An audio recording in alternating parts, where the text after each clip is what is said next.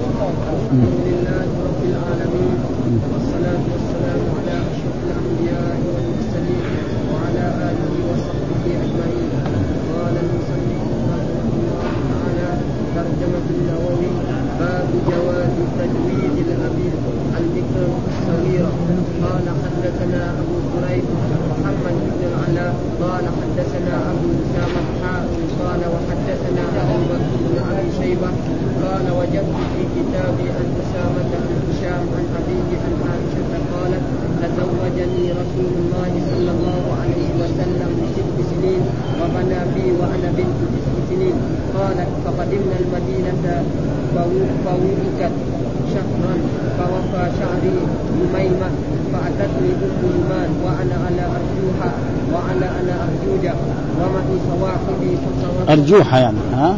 أرجوحة ها؟ إيه. صواحبي فصرخت بي فأتيتها وما أدري ما تريد بي. فأخذت بيدي فأوقفتني على الباب. فقلت ها حتى ذهب نفسي. فأدخلتني بيتا فإذا نسوة من الأنصار. فقلن على الخير والبركة وعلى خير طاهر. فأسلمتني إليهن. فغسلن رأسي وأصلحن وأصلحنني. فلم يرعني إلا ورسول الله صلى الله عليه وسلم ضحى فأسلمنني إليه. قال وحدثنا يحيى بن يحيى قال أخبرنا أبو معاوية عن هشام بن عروة. قال وحدثنا ابن نمير واللفظ له. قال حدثنا عبدة هو سليمان عن هشام عن أبيه عن عائشة قالت تزوجني رسول وتزوجني النبي صلى الله عليه وسلم وأنا بنت ست سنين وبنى بي وأنا بنت تسع سنين. قال وحدثنا عبد بن حميد. قال أخبرنا عبد الرزاق. قال أخبرنا معمر عن الزهري عن عن عائشة أن النبي صلى الله عليه وسلم تزوجها وهي بنت سبع سنين وزفت إليه وهي بنت تسع سنين. ونعمها معها ومات ومات عنها وهي بنت ثمان عشر قال وحدثنا يحيى بن يحيى. قال واسحاق بن إبراهيم وأبو بكر بن أبي شيبة وأبو كريب قال حدث قال يحيى وإسحاق. قال أخبرنا وقال الاخران حدثنا أبو معاوية عن الأعمش عن إبراهيم بن الاسود عن عائشة قالت تزوجها رسول الله صلى الله عليه وسلم وهي بنت ست بنت ست وبدا بها وهي بنت ومات عنها وهي بنت ثمان عشر. قال باب باب باب التهميد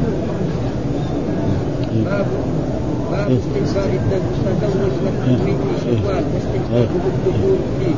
قال حدثنا أبو بكر بن أبي شيبة وزهير بن حرب واللفظ لزهير. قال حدثنا وكيع. حدثنا سفيان عن إسماعيل بن أمية عن عبد الله عروة عن عروة عن عائشه قالت وزوجني رسول الله صلى الله عليه وسلم في شوال وبنى بي في شوال فاي نساء رسول الله صلى الله عليه وسلم كان افضل عنده مني قال وكانت عائشه تستحب ان تدخل نساءها في شوال قال وحدثنا ابن نمير حدثنا أبي حدثنا سفيان بهذا الاسناد ولم يذكر فعل عائشه قال وحدثنا ابن ابي عمر حدثنا سفيان عن يزيد بن كيسان عن ابي حازم عن أبي هريرة.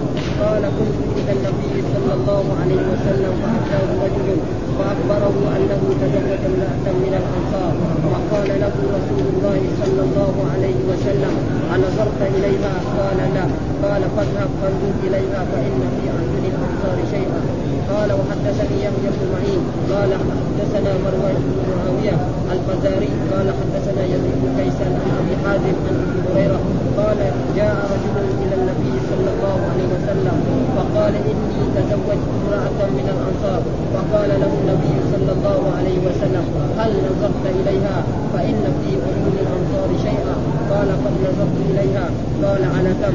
تزوجتها. قال على أربع اواق اواق فقال له النبي صلى الله عليه وسلم على أربع اواق كأنما تلبسون من قرب هذا الجبل ما عندنا ما نؤذيك ولكن عسى أن نبعثك في في بعث تصيب منه. قال فبعث بعثا إلى بني عباس. بعث ذلك الرجل. أعوذ بالله من الشيطان الرجيم. بسم الله الرحمن الرحيم. الحمد لله رب العالمين والصلاة والسلام على سيدنا ونبينا محمد وعلى آله وصحبه وسلم أجمعين. قال الإمام الحافظ أبو الحسين مسلم الحجاج القشيري النسابوري رحمه الله تعالى والترجمة الذي ترجم بها الإمام النووي باب جواز تزويج الأب البكر الصغيرة تقدم لنا أحاديث عن رسول الله صلى الله عليه وسلم أن الرسول صلى الله عليه وسلم أمر أن تستأذن البكر نعم وتستأذن السيد. البكر أذنها سمعتها يقول له أنا أريد أن أزوجك يا بنتي لفلان وهي بكر فإذا سكتت فهذا دليل على قبولها. ها وأما الثيب فلا بد يقول له أنا أريد أن أزوجك لفلان ها وتقول نعم أنا أريد ها قابل زواجك. فهنا بين حكم آخر. مثلا تكون إيه بنت صغيرة السن فله والدها أو جدها يزوجها بدون أن يستأذنها لأن هي ما تعرف مصلحتها وهي صغيرة لسه ما تعرف عمرها ست سنوات ما تعرف إيه بعد الزواج ابدا ها فلذلك هذا جائز. مين اللي يزوجها؟ إما أبوها أو جدها بس. أما غيرهم فلا يجوز. فأي إنسان ولي عمها أو أو يعني عمها أو أخوها أو ابنها لا يزوجها وهي صغيرة. ها مين اللي له يزوج صغيرة؟ نعم الأب والجد لأن الأب والجد حكمهما واحد في الميراث وفي كثير من الأحكام. أما غيرهم من الأولياء فلا يجوز له أن يزوج الصغيرة حتى تبلغ. فإذا بلغت يستأذنها ويزوجها فعمها كذلك وابنها كذلك وهذا فهذا مع باب تزويج الأب البكر الصغيرة. ها بدون أن يستأذنها لأنها ما تعرف مصلحتها الآن. و فلذلك هذا جاء إيش الدليل على ذلك؟ قصة عائشة رضي الله تعالى عنها ذكرت أن رسول الله صلى الله عليه وسلم تزوجها. هنا تزوجها بمعنى عقد عليها. ها؟ ودخلت على رسول الله صلى الله عليه وسلم وعمرها تسع سنوات. فهذا دليل على أنه إيه؟ هذا فيقول إيش الدليل؟ هذا الحديث. قال حدثنا أبو كريب ومحمد بن العلاء حدثنا أبو أسامة وحدثنا أبو بكر بن أبي شيبة قال وجدت في كتاب في كتابي عن أبي أسامة. ها ما قال حدثني أبو أسامة قال وجدت في كتابي وهذا يسمى متابعة. يعني إيه؟ متابعات لأنه ما يكفي واحد يقول وجدت في كتاب فلان يعني ها؟ قرأت عليه معلش سمعت منه حدثنا أخبرنا. أما وجدت في كتابه قد يكون مو هو كتب. فلذلك هذا في إيه؟ يعني متابعة. لذلك قال هنا عن في المتابعه فهذا قال وجدت في كتاب في كتابي عن أبي أسامة عن هشام عن أبيه هشام بن عن يعني عن أبيه عروة عروة بن الزبير عن عائشة وهي خالة. لهم قال تزوجني رسول الله صلى الله عليه وسلم لست سنين. يعني كان العقد في مكة. ها لما توفي خديجة الرسول صلى الله عليه وسلم تزوج أم سودة وهي كانت مرأة كبيرة. ثم بعد ذلك خطب إيه عائشة رضي الله تعالى عنها من أبيه فزوجها رسول الله وعمرها ست سنوات. معناه عقد عليها. هنا تزوجها بمعنى إيه؟ عقد عليها. ولما هاجر الرسول إلى المدينة نعم بعد ذلك دخل دخلت على رسول الله صلى الله عليه وسلم وصار إيش؟ تزوجني رسول الله صلى الله عليه وسلم بست سنين وبنى بي. بنى بي معناه دخل بي. ها؟ وأنا بنت تسع قال فقدمنا المدينة. بعد ذلك هاجر الرسول صلى الله عليه وسلم وهاجر أبو بكر معلوم أنهم كانوا في صحبة. ثم بعد ذلك لحقت عائلتهم بها. قالت فقدمنا المدينة فوعكت يعني أصابتها الحمى. ومعلوم أن رسول الله صلى الله عليه وسلم لما هاجر إلى هذه المدينة. نعم كثير من أصحاب رسول أبو بكر وبلال وغير ذلك كلهم أصيبوا بالحمى. وكانت المدينة فيها يعني الحمى موبوءة. ثم بعد ذلك دعا رسول الله صلى الله عليه وسلم أن ينقل الله هذه الحمى إلى الجحفة. فنقلت فشفوا بإذن الله سبحانه وتعالى فأصبحت هذا. قال فكنت يعني معناه أصابتني ألم الحمى. ها؟ فوفى شعري ها جميمة. يعني بعد ما مرضت سقط شعره. ومعلوم الإنسان لما يمرض خصوصا المرأة والبنت وغير ذلك قد يسقط شعرها خصوصا إذا أصابتها الحصبة. يعني الحصبة معروف أنها هذا ها؟ فوفى شعري. بعد ما بعد مدة شهر شفيت من المرض هذا وزال عنها فصار شعرها كبير وطال حتى وصل إلى إلى جميمة رأس يعني نزل إلى أسفل كده. هذا معناه جميمه الجميمة جمع جمة وهي الشعر الذي ينزل من إيه؟ من أعلى إلى إلى الأذن. هذا معنى.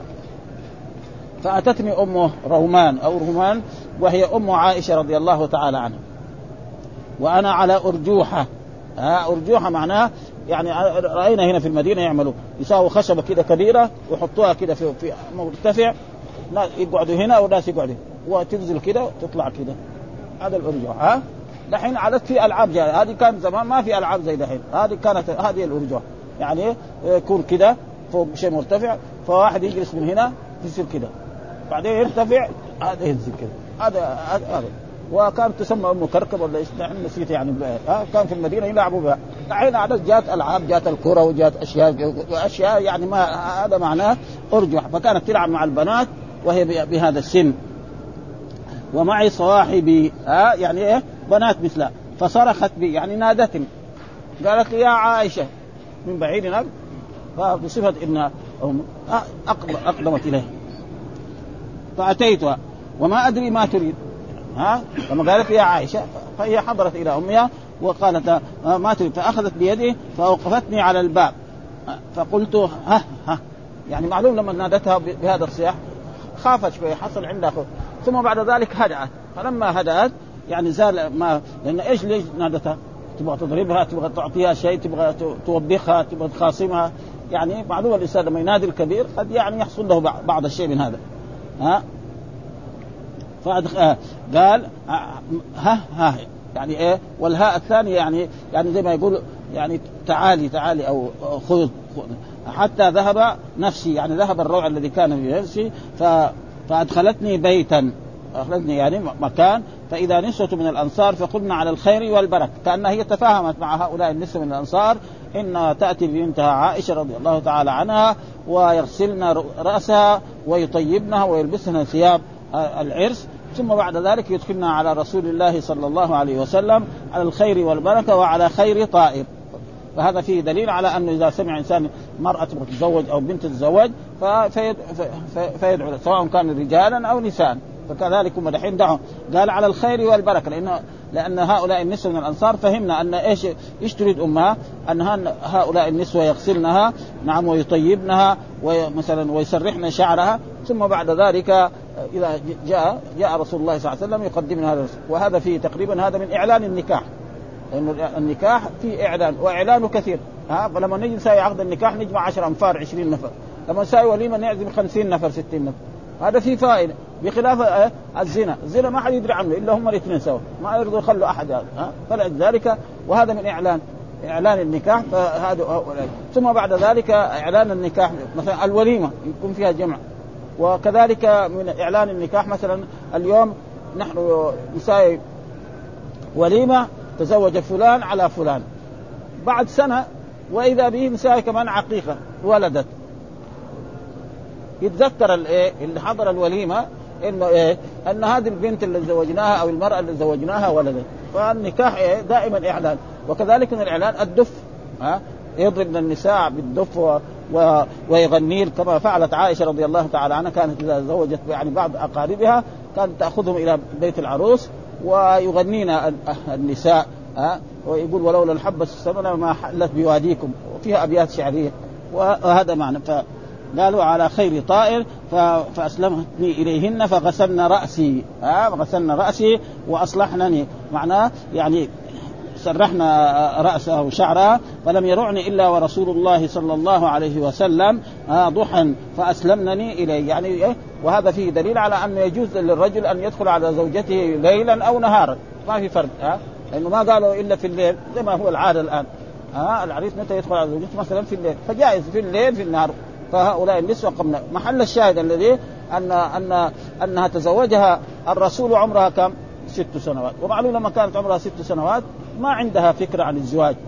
نعم نعم فزوجنا. ثم فيها فائدة. مثلا الرسول تزوج عمرها لو قال أبو بكر ما يزوجها الرسول يتزوج واحدة غيرها خسارة هذه. ولا لا؟ ها لو فرض انه لو قال أبو بكر أنا لا ازوجك حتى تكبر الرسول قد ما يصبر يروح يخطب مئات نساء يخطب يتزوج. فهو يغتنم الفرصة يعني. خلاص؟ هذه ها يعني في هذه فائدة كبيرة جدا. فهو الرسول لما خطبها وما ما بين ما بين الرسول صلى الله عليه وسلم وبين أبي بكر. كما تقدم لنا في أحاديث كثيرة أن ما في يوم إلا ورسول الله صلى الله عليه وسلم يدخل يعني يذهب إلى بيت أبي بكر. حتى لما أراد أن يهاجر جاءهم بعد الظهر. مع انه العادة ما يجي بعد الظهر. يجي دائما إما صباحا وإما مساء في يوم من الأيام دخل جاءهم بعد الظهر فلما دخل بعد الرسل تعجب يعني أبو بكر إيش جايب الرسول بعد الظهر؟ الزيارات مو بعد الظهر. دائما الناس ما يزوروا بعد الظهر. ها؟ فدخلنا فقال يعني ما يعني في أحد معكم في البيت خليه يخرج عشان في كلام سر. ها؟ فقال ما في أحد. ما في إلا عائشة زوجتك وأمها. فكلم آه، آه، أبو بكر يعني الرسول كلم ان إن الله أذن لي بالهجرة. ها؟ أذن لي بالهجرة. فقال له أبو بكر الصديق أنا أريد أكون يعني مصاحبا لك. ولي ناقتان. خذ واحدة وأنا واحدة. قال له لا. الثانية هذه أخذها بإيه؟ بقيمتها. ثم بعد ذلك هاجر الرسول صلى الله عليه وسلم ولذلك محل إيه؟ محل الشاهد الذي يريد الإمام مسلم هو أن الرسول يعني تزوج عائشة وعمرها ست سنوات ودخل بها عمرها تسع سنين ومعلوم هذا دليل على أن إيه للأب أن يزوج بنته البكر الصغيرة بدون إذن مع انه تقدم لنا أحاديث أن رسول الله صلى الله عليه وسلم أن الرجل إذا أراد يزوج بنته يستأذن يقول لها فلان ابن فلان ها أه؟ يبغى يريد يخطبك. ماذا تقولين فإذا سكتت وهي بكر زوجها. أو بكت كما الناس يقولوا في الكتب الآن و... وسكوتها هو قبول. لأن ما تقدر تقول أنا أريد. يقولوا هذه ما تستحي الناس أول. لكن لا ما يقولوا. ها؟ ابدا. لابد إيه؟ تقول لازم أنا أبغى أشوفه لابد أجتمع معه لأنه المسألة تغيرت. الأوضاع يعني إيه؟ الأوضاع الأولانية غيرها.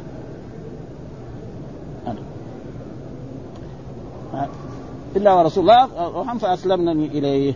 ها والحديث الثاني مثله قال وحدثنا يحيى بن يحيى أخبرنا أبو معاوية عن هشام بن عروة حول الإسناد اوحى وقال حدثنا ابن نمير واللفظ لو حدثنا عبده هو ابن سليمان عن هشام عن أبيه عن عائشة قال تزوجني النبي صلى الله عليه وسلم وأنا بنت ست سنين يعني عقد علي هنا تزوجني بمعنى ها نعم وبنى بي يعني دخل بي وأنا بنت تسعة. بعض الناس يقول طيب كيف واحد يتزوج بنت عمرها تسع سنين؟ هذا موجود في بعض البلاد يمكن المرأة تكون عمرها تسع سنوات وإذا صارت عشرة تلد بلاد تكون بلاد حارة ومثلا بنت منعمة. تأكل أحسن الطعام وتشرب أحسن الشراب ومرتاحة لا تشتغل ولا شيء. وهذا موجود في كثير من البلدان خصوصا البلاد الحارة. ها يوجد يعني يعني في موريتانيا. وفي أفريقيا كثير يعني بعض البلاد موجود هذا يمكن هذا ولا فيه شيء. ها يجي في البلاد الباردة ما يمكن. مثلا واحدة في في مثلا في روسيا ما يمكن. ولذلك البلوغ يختلف. البلوغ بعض البلاد يكون 15 سنة. يمكن البنت تبلغ في 11 سنة. وقد مر علينا أن أن عبد الله بن عمرو بن العاص وعمر بن العاص بين الأب وبين الابن 11 سنة. ها ابدا. وكذلك يعني بعض مثلا الأمراء والحكام يزوجوا أولادهم عمره 13 سنة أو 14 سنة. بعد سنة ولا بعد سنتين يمكن إذا كان الناس يبلغ 15 وهو يبلغ 13 والبنت كذلك تبلغ عمرها 12 سنة 13 سنة. ممكن هذا ابدا يعني ما في شيء. ها ولكن كان سمعنا ضجة زمان رايتها في في في صحف آه، المملكة العربية السعودية. يعني بعض الشباب ما يعرف الحديث وادي إيش دخل؟ يقول كيف واحد يتزوج؟ يعني يعني أحاديث أن الرسول تزوج عائشة وعمرها تسع سنوات. هذا ما يصح. ليه؟ عدم الفهم. ها؟ أنت مش فنك هذا. أنت فنك فن الأدب. إيش دخلك في الأحاديث؟ ثم أحاديث في البخاري في مسلم. ما يقدر واحد يقول لا كذا فيها ولا كذا فيها. ها؟ هذه أخذت بها. كثير يعني يدخل في أشياء ما يعرف. ابدا. ها؟ ابدا. إنت حق اللغة العربية خليك في اللغة العربية. حق الأدب خليك في الأدب. ها؟ حق في ها؟ ابدا. فصارت ضجة قد إيه كبرى يعني. ولذلك هذا لا ينكر ابدا. هذا ممكن إلى الآن ممكن وكثير من الناس رأوا هذا. أن ما بنت عمرها تسع سنوات عمرها عشر سنوات تلد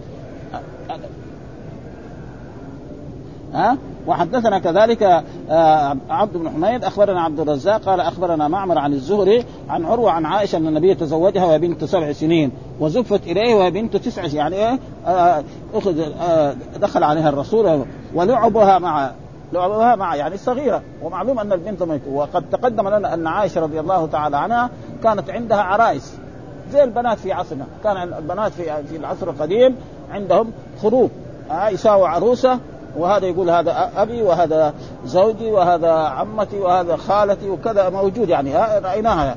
الآن لا في أشياء حديثة جديدة. ها؟ نعم موجودة من هذا إلى عن النبي فكانت عائشة رضي الله تعالى عنها لما عاد الرسول من تبوك ودخل عليها وكان عائشة رضي الله تعالى عنها جالسة وكان في ستار. نعم. وهذا الستار مغطى وإذا به نعم جاءت جاءت الريح فكشفت الستار. فرأى الرسول صلى الله عليه وسلم هناك يعني تقريبا فرس بجناح. فقال لها إيش هذا يا عائشة؟ قال هذا بناتي. وهذا الفرس طيب اللي وسطهم؟ قال هذا فرس سليمان. ها فرس فرس فرس فرس له اجنحه ما في فرس له اجنحه قال أنت ما سمعت عن فرس سليمان؟ ها فضحك الرسول صلى الله عليه وسلم حتى بدت نواجذه. ها وهذا معروف يعني إلى الآن موجود يعني البنات يلعبن بهذا اللعب ف يعني قالوا ولعبها معها. ودحين لو واحد برضه يتزوج الآن يمكن تأخذ أشياء ثانية. يعني عصرنا غير العصر الأول. العصر الأول يمكن الآن تكون هي يعني بتدرس تأخذ كتبها معها. خياطة تأخذ ماكينتها معها لأنه كل وقت له إيه؟ وقت. فعائشة رضي الله تعالى عنها تقول ولعبها معها يعني ذهبت إلى بيت رسول الله صلى الله عليه وسلم ولعبها عرائسها وهذه الأشياء اللي كانت تعمل بها. هذا وهذا تقريبا يدل على إيه؟ على صغره والحديث هذا الذي اللي أخرجه أبو داود ها؟ لأنه أبو داود هذا أخرجه. كان نحن زمان رأينا هذا الحديث. فين رايناه ما أعرف. وإذا به في سنن أبي داود مبوب عليه باب اللعب بالبنات. فأنا كنت شفته بعدين جيت أدوره. نسيت الترجمة. ها إباحة التصوير دور. حتى اتهمت نفسي أني أنا ما شفته يعني. بعد كل تعب حتى حصنه ولذلك ما أنساه دحين. قبل سنين يعني كثير. ها لأنه مبوب عليه باب اللعب بالبنات. كذا كذا أنا كنت لا أظن إيه باب جواز إيه التصوير للأطفال. فإذا كان صورة صغيرة كذا لكن مو زي الصور زي في المعارض لأنه مرأة كذا كبيرة قد إيه ولابسة. حتى إنه بعض الأطفال إذا دخلنا يظنها أنها مرأة يقول تبغى تمد يدها تسلم عليه. بنت طفلة صغيرة عمرها سنة ولا سنتين تمد يدها تبغى تسلم على على على, على ها؟ هذا ما يجوز فالصور فالتصاوير الصغيرة مثل هذه الذي يظهر من النصوص أنها جائزة. ها؟ ما في شيء. ها؟ ها؟ تكون بلا إيه. لو حتى لو كان صغير. وهناك يعني كثير من العلماء لا يقولوا كل الأد... يعني الصور حرام سواء كانت بظل أو بدون ظل. ها؟ وأكثر العلماء المتقدمين كذا ما في كلها ويكفي ذلك قصة قصه الرسول لما دخل على عائشة وعندها قرام يعني ثوب كذا وفيه صور. فقال أزيلي قرامك عنا. معلومة الا في الا في الثوب. ما له صور ما له ظل ومع ذلك ولذلك الصور محرمة. يعني هذا لكن دحين الحمد لله جو الناس العلماء والدنيا كلها قالوا إنه إيش؟ إنه هذا جائز وإنه ما أدري إيه وساووا فلسفة ولكن الله الذي يظهر ان ان أن الظل انها حرام. وإذا كانت هناك ضرورة ها كالإقامة والتابعية وغير ذلك فالإنسان يفعلها عشان ها. وإن شاء الله ربنا يغفر إذا واحد ما عنده إلا هذا يدخل الجنة إن شاء الله بسلام. ها؟ يعني كوننا نقول حلال هذه مشكلة. يصير بعدين ذنبين. ها؟ ذنب إنه حلال و... و... والتصور. واحد يكفي. يتصور معلش ها؟ وجوه دحين يقول لك لا هذا إيه؟ ظل طيب ظل يقول زي المراية، المراية إذا رحت أنا ما في صورة. وما أدري كمان قالوا إنه آه يعني يعني يكون إيه؟ في الثوب يعني وكل هذا تقريبا ما ولذلك هذا يعني دليل على أن الأطفال الصغار لهن أن يلعبن بإيه؟ بالعرائس وبغير ذلك وأن هذا ليس فيه شيء. قال ولعبها معها. ها معناه يدل على أنها صغيرة ومات عنها وهي بنت ها 18 سنة. يعني توفي رسول الله وعمرها 18 سنة وبعد ذلك عاشت كذلك ما شاء الله طويل. ها يعني بعد عهد عثمان رضي الله إلى عهد معاوية هي عاشت وكانت عالمة. ها لأن الرسول عاشت مع رسول الله وتعلمت العلم منه. وحدثنا يحيى بن يحيى وإسحاق بن إبراهيم وأبو بكر بن أبي شيبة وأبو كريب قال يحيى وإسحاق أخبرنا وقال الآخران حدثنا معاوية عن الأعمش عن إبراهيم عن الأسود عن عائشة قال تزوجها رسول الله وهي بنت ست هنا يقول بنت ست والأول يقول بنت ست كيف الجواب على هذا؟ الجواب على هذا يعني يعني كانت هي عمرها كم؟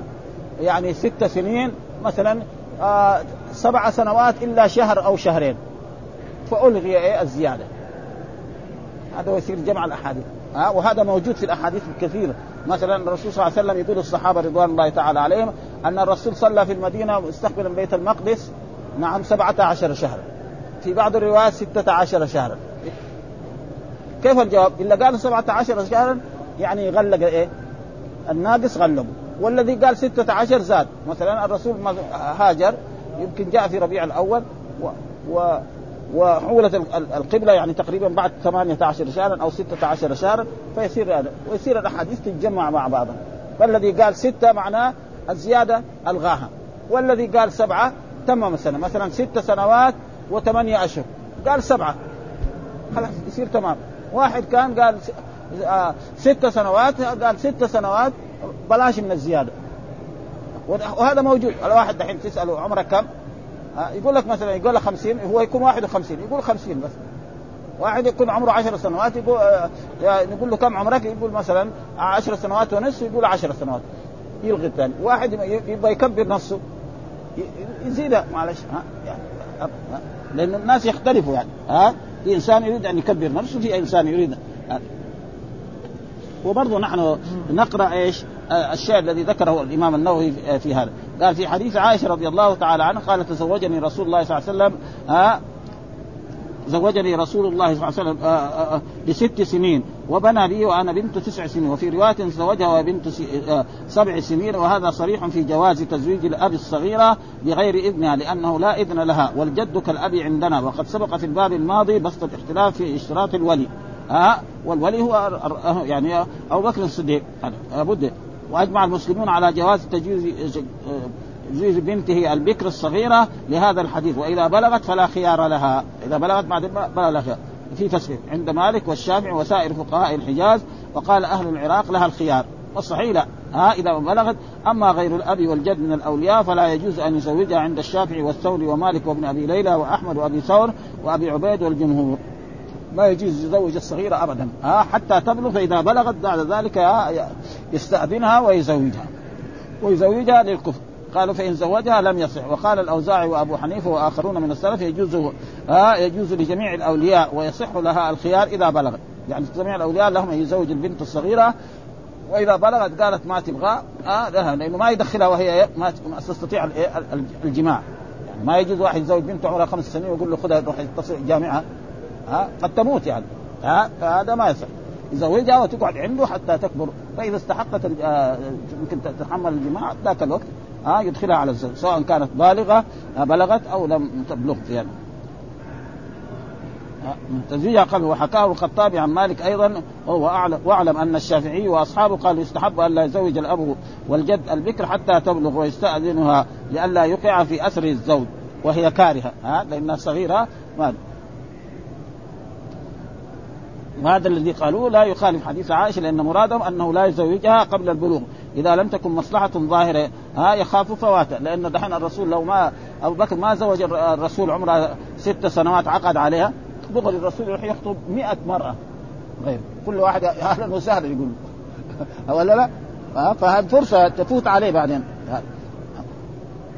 ها فيستحب تحصيل الزوج لأن الأب مأمور بمصلحة ولده فلا يفوتها والله أعلم. وأما وقت صفاف الصغيرة المزوجة والدخول بها فإن اتفق الزوج والولي على شيء لا ضرر فيه على الصغيرة عمل به. وإن اختلف فقال أحمد وأبو عبيد تجبر على ذلك بنت تسع سنين دون غيرها. ها لأنه تسع سنين في بعض البلاد تكون بالغة أو تكون قريبة من البلوغ. وقال مالك والشافعي وأبو حنيفة حد ذلك أن تطيق الجماع ويختلف ذلك باختلافهن ولا ولا يضبط بسن وهذا هو الصحيح وليس في حديث عائشة تحديد ولا منع من ذلك فمن آه في من أطاقته قبل التسع تسع ولا الإذن فيه لمن لم يستطيقه وقد بلغت تسعا قال وكانت عائشة قد شبت شبابا حسنا. يعني إيه؟ شبابا حسنا يعني إيه؟ متمتع طيب ها في بيت أبي بكر وأبو بكر رجل ما هو فقير رجل غني ومعلوم بيت الأغنياء غير وبيت الفقراء غير. ها؟ الناس الأغنياء تجد طعامهم غير طعام الفقراء وطعام المتوسطين. ابدا ها؟ فلذلك كان إيه؟ يعني عمرها تسع سنوات وهي يعني مع غيرها يمكن واحد يشوفها يزور عمرها. وهذه أشياء يعني تختلف. وقد يكون مثلا أهلها ها؟ مثلا أبو بكر رجل في شيء من الطول أمها كذلك في ها؟ بعض الناس القصار الأب قصير والأم قصيرة. تجيب كمان زي قصير. ولا ومرات تروح تجيب جدها البعيد هذاك ولا جدتها البعيدة تصير زيها. ها؟ ابدا يعني بيصير ابدا. رجل يتزوج مرأة وهو ضخم كذا وإذا به تجي له طفلة صغيرة كذا تبلغ الخامسة عشر أو العشرين وهي تقريبا عمرها يعني طولها ما يجي متر. وتلد كمان. ها؟ ما في شيء. ها؟ فلذلك قد شب شبابا حسنا رضي الله تعالى. وأما قولها في رواية تزوجني وأنا بنت سبع وفي أكثر الروايات بنت ست فالجمع بينهما أنه كان لها ست وكسر. ها؟ هذا. كسر ففي رواية اقتصرت على السنين وفي رواية عدت السنة التي دخلت فيها والله أعلم.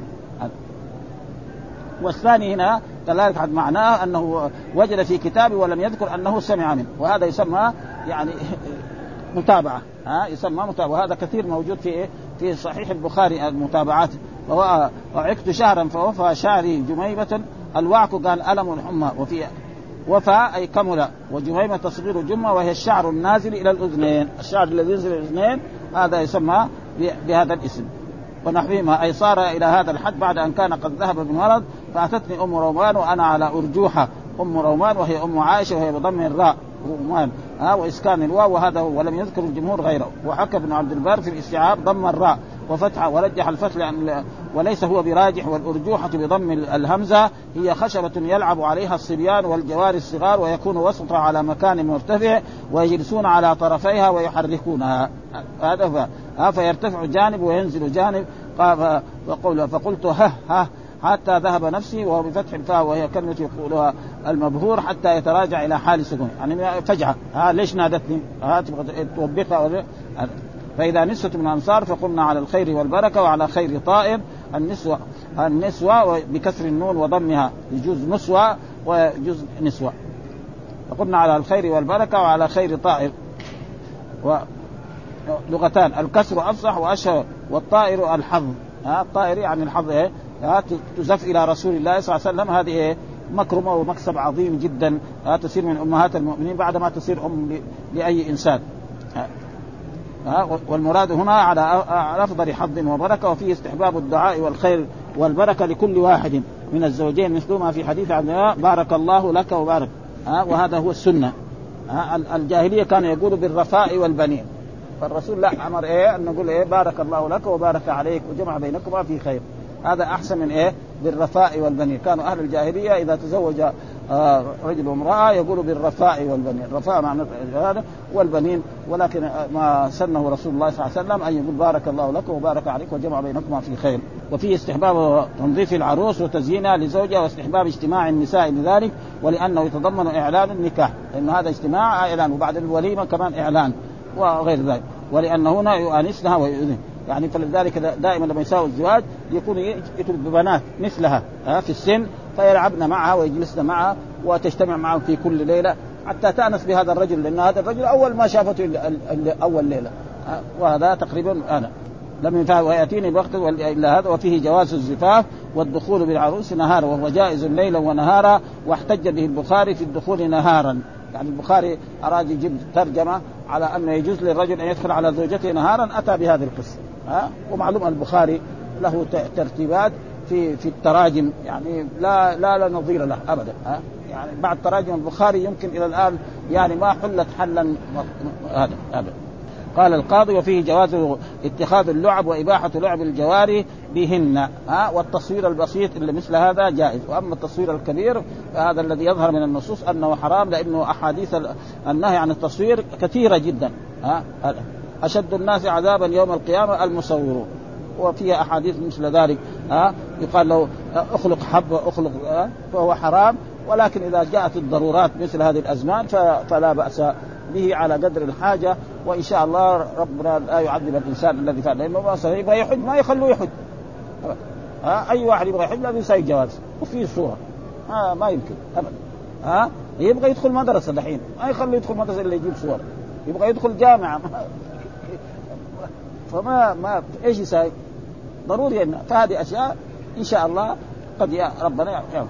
ثم ذكر يعني ويحتمل أن يكون مخصوصا بأحاديث النهي عن اتخاذ الصور لما ذكره من المصلحة ويحتمل أن يكون هذا منهيا عنه وكانت قصة عائشة يعني في أول الإسلام كان جائز الصور وبعد ذلك جاء تحريم الصور وهذا ما نعرف أي الحديث المتأخر فلذلك الضرورات لها حكم ثم ذكر باب استحباب التزوج والتزويج في شوال.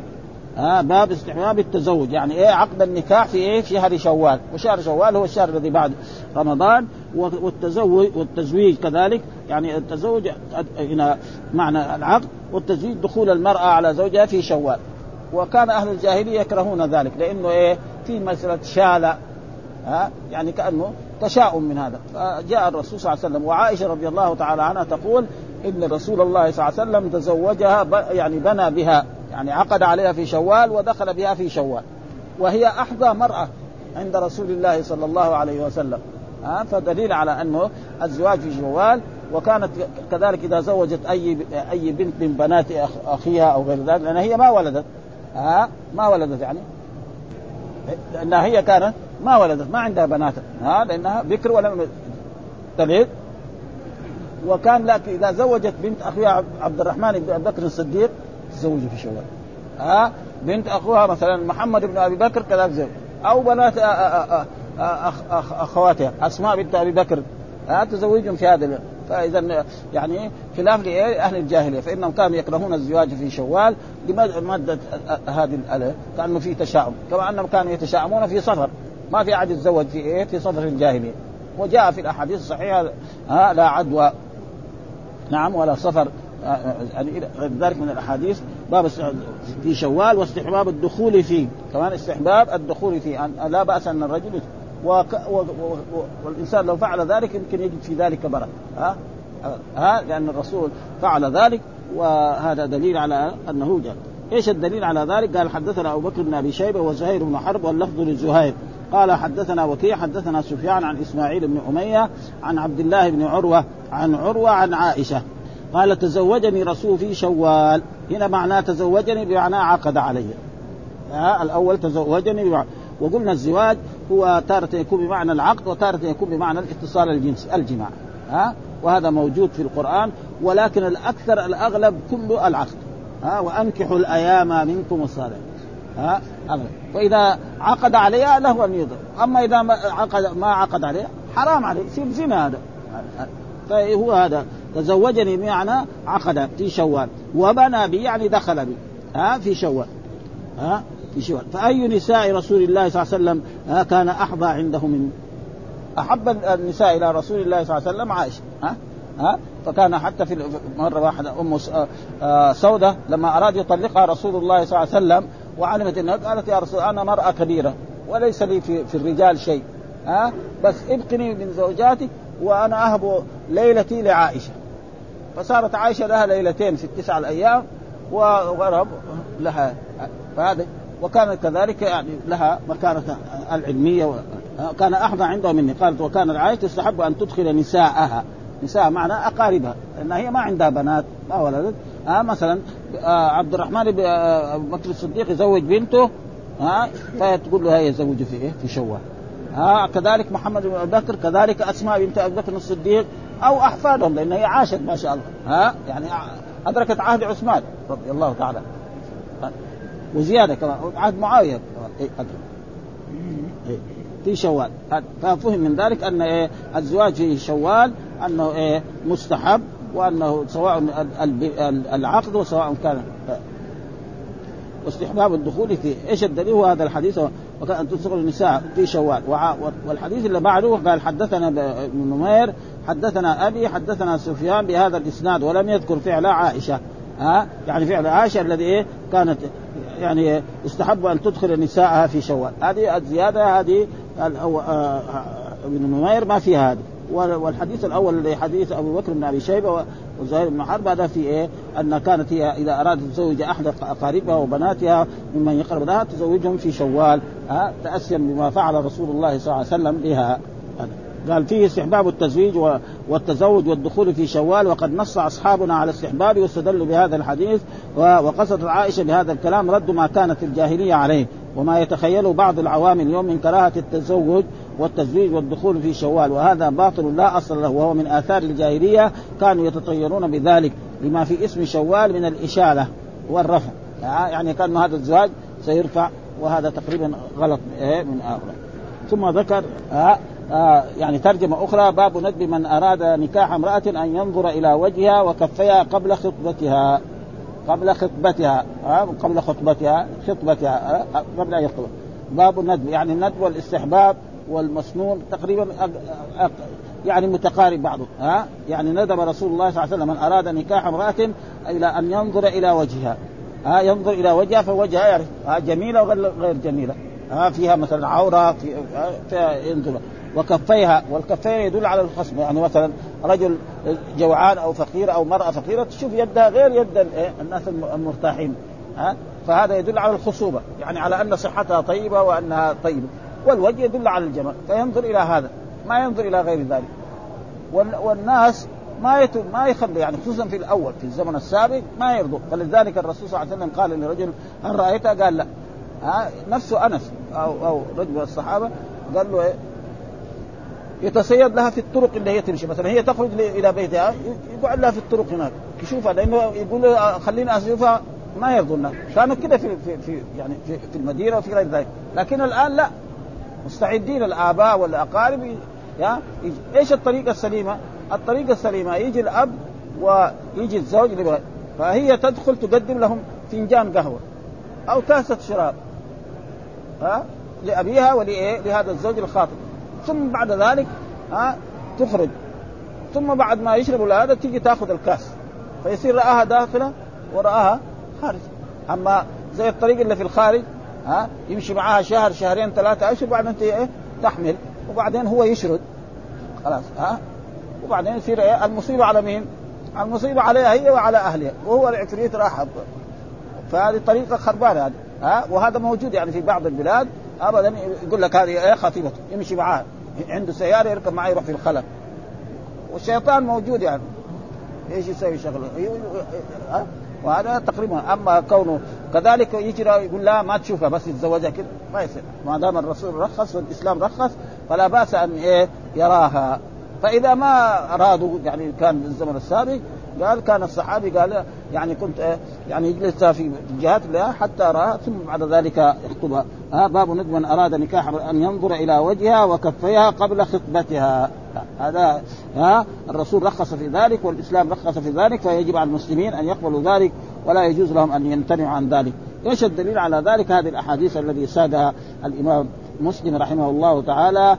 وحدثنا يحيى بن يحيى حدثنا مروان بن معاذ الفزاري حدثنا يزيد بن كيسان عن أبي حازم عن أبي قال جاء رجل إلى النبي صلى الله عليه وسلم فقال إني تزوجت امرأة من الأنصار فقال له النبي هل نظرت إليها؟ فإن في أعين الأنصار شيئا. هل نظرت إليها؟ قال له لا. قال له انظر شيئا هذا فسره بعضهم بصغر العين. المرأة لما يكون عينها صغيرة جدا ما هي جميلة. وكذلك فسره بعضهم إنه في عينها حول والحول في العين. يعني شيء عيب ها وهو أنه عينها فيها خلل فلذلك قال له انظر ها فإن في اعين وهذا موجود يعني يقولوا في الأنصار كثير يعني فقال النبي هل نظرت اليها؟ فقال فإن في عين الأنصار شيئا، شيئا إيه؟ صغر العين أو حول. قال قال قد نظرت اليها قال على كم تزوجتها؟ قال على أربع أواق. أربع أواق من فضة كثير يعني ها؟ فقال له النبي صلى الله عليه وسلم على أربع اواق يعني هذا استنكار ها؟ كأنكم تنحتون الفضة من عرض هذا الجبل. يعني كان واحد يبغى يجي كده يكسر في جبل ويخرج الذهب يعني معناه كثير. ولذلك الرسول ندب إلى أن أن المهر يكون إيه؟ قليل. ها؟ ولذلك الرسول صلى الله عليه وسلم تزوج نساءه وزوج بناته بإيه؟ يعني ب 500 درهم. 500 درهم يقدر يعني يمكن 500 ريال. ها؟ ومع ذلك ما في تحديد يعني جاء في القرآن أو آتيتم إحداهن قنطارا فلا تأخذوا منه شيء. فإذا إيه الإسلام ندب إلى أن يكون إيه الصداق قليل. ولذلك بعد أتى بأحاديث عن رسول الله صلى الله عليه وسلم رجل يعني قال له أتي بدرهم يعني بخاتم منه. فلذلك هذا هو الإيه الأحسن. وكل ما كان وأما يعني تحديد مثلا المهر كما فعلوا يعني كثير من البلدان مثلا الآن في الجنوب يقول لك مثلا البكر آه يعني بخمسين ألف. والثيب بإيه؟ بعشرين ولا بأربعين. هذا ما ينفع. إيش الطريقة السليمة؟ أن الكبار والعظماء يزوجوا بناتهم نعم بأقل له. ولا يساوي إيه؟ يعني أشياء كثيرة فيكتب أما إذا كان الغني والأمير والحاكم والرؤساء القبائل يساوي زواج مثلا مثلا فيه إيه؟ 2000 يعني 100000 أو 200000 ريال. مع الولائم ومع الهدايا ومع هذا. بعدين نجي نحن نقول للفقراء والمساكين والمتوسطين انت المسكين ده دغري يروح يتدين وعشان يساوي زي زي ولذلك قد ما فعلوا يعني الآن أنا عارف من من 30 سنة يبغوا يحددوا المهر ما استطاعوا. ما يمكن ابدا. تحديد المهر شيء لا يمكن ابدا. الا الطريقة السليمه هو هذا أن مثلا يجوا جميع العظماء من المشايخ ورؤساء القبائل يزوجوا بناتهم وبناتهم بأقل خلاص. ها دغري الناس الثانيين. أما إذا بغير هذا وإلى الآن ما ما, ما كم مرة سمعنا في الجرائد أن القبيلة الفلانية تقول ب 5000 ريال. القبيلة الفلانية زمان أيام الشيخ محمد إبراهيم المفتي الأكبر قال ب 2000 ريال. ذاك الوقت 2000 ريال فلوس كثيرة يعني مو زي الحين. ها؟ ما في فائده ولا قدروا يساووا شيء. إذا الطريقة السليمة هو هذا. فلذلك الرسول أنكر 400 درهم. 400 درهم تقريبا ما يعني 400 ريال تقريبا بس ابدا. ها؟ ها؟ ثم كأنه يطلب من الرسول يعني إعانة ما نعطيك ولكن عسى أن نبعثك في بعث تصيب منه. يعني إيه؟ إذا جاء مثلا خروج لجباية الزكاة ها؟ فنرسلك معه فتيجي ونعطيك. لأنه مثلا الإنسان إذا ذهب إلى جباية الزكاة وأتى فإنه لو كان غنيا يعطى ها؟ قول الله تعالى إنما الصدقات للفقراء والمساكين والعاملين عليها ها؟ العاملين عليها يعطوا من الزكاة ولو كانوا أغنياء ما في شيء ابدا. هذا تدينها أو غير ذلك فلذلك هذا. آه ونقرأ الشيء الذي ذكره قال قال لا قال فاذهب فانظر إليها فإن في أعين الأنصار شيئا. هكذا الرواية شيئا بالهمزة وهو واحد الأشياء. قيل المراد الصغر صغر العين. ها وقيل زرقة العين. وفي هذا دلالة لجواز ذكر مثل مثل هذه النصيحة. يعني ولا يسمى غيبه ها لا يسمى غيبه يبغى يتزوج يقول له ترى مثلا هو يبغى مرأة بيضة يقول هذه مثلا سمرة. ما ما يبغى. واحد يبغى غير هذا. يبغى يقول له مثلا أنا ما في بأس يقول له ان إن هذه الزوجة التي تبغى تتزوجها يعني هو يبغاها نحيفه فيقول له لا هذه فيها ضخامة في هذا ما يسمى غيبه لأنه هو هو وتقدم لنا قصة يعني الرسول صلى الله عليه وسلم لما آه، جاء فاطمة وقالت إن خطبني جهم أبو جهم وخطبني معاوية. فقال أما جهم فإنه لا لا يضع العصا عن عاتقه. يعني معناه كثير السفر أو يضرب النساء. وأما معاوية فاشرع له انكحوا أسامة. هذا ما يسمى كذلك واحد جاي يبغى يشارك إنسان. يقول له هذا ترى بعدين يتعبك. ها؟ ما يعطيك الحقوق ويدين ابدا ما في شيء. ولا يسمى هذا غيب ها؟ إلى وجه من يريد تزويجه وهو مذهبنا ومذهب مالك وأبي حنيفة وسائر الكوفيين وأحمد وجماهير العلماء. وحكى القاضي عن قوم كراهته وهذا خطأ مخالف لصريح هذا الحديث. ومخالف لإجماع الأمة على جواز النظر للحاجة عند البيع والشراء. كذلك يبغى يشتري شيء وهذا ونحن ثم إنه إنما يباح له النظر إلى وجهها وكفيها فقط لأنهما ليس بعورة ولأنه يستدل بالوجه على الجمال أو ضده وبالكفين على خصوبة البدن على أنها مرتاحة وأن صحتها طيبة أو عدم وهذا مذهبنا ومذهب الأكثرين. وقال الأوزاعي ينظر إلى موضع مواضع اللحم. ها؟ يعني لما تدخل إلى الزوج تدخل ويراها إيه؟ وجهها ثم يرى عجزها. فما في شيء. وهذا خطأ ظاهر منابذ لأصول السنة ثم مذهبنا ومذهب مالك. دائما نقول مذهبنا يعني مذهب الإمام الشافعي وأحمد والجمهور أنه لا يشترط في جواز هذا النظر رضاها بل له ذلك في في غفلتها ومن غير تقدم إعلام. لكن قال مالك أكره نظره في غفلتها. ما لأنه لو لو اجتمع بها ثم بعد ذلك ما ناسبته وقال ما يبغاها هي تزعل. هذه كمان تساوي مشاكل. آه، أهلها كمان بعد ما بعد ما وريناك بنتنا تقول ما تبغاها. ها ها يساوي أشياء. يعني ذلك لو بهذا بالطريقة هذا يكون أحسن. لأنه هذه كلها تؤدي إلى مشاكل في هذا.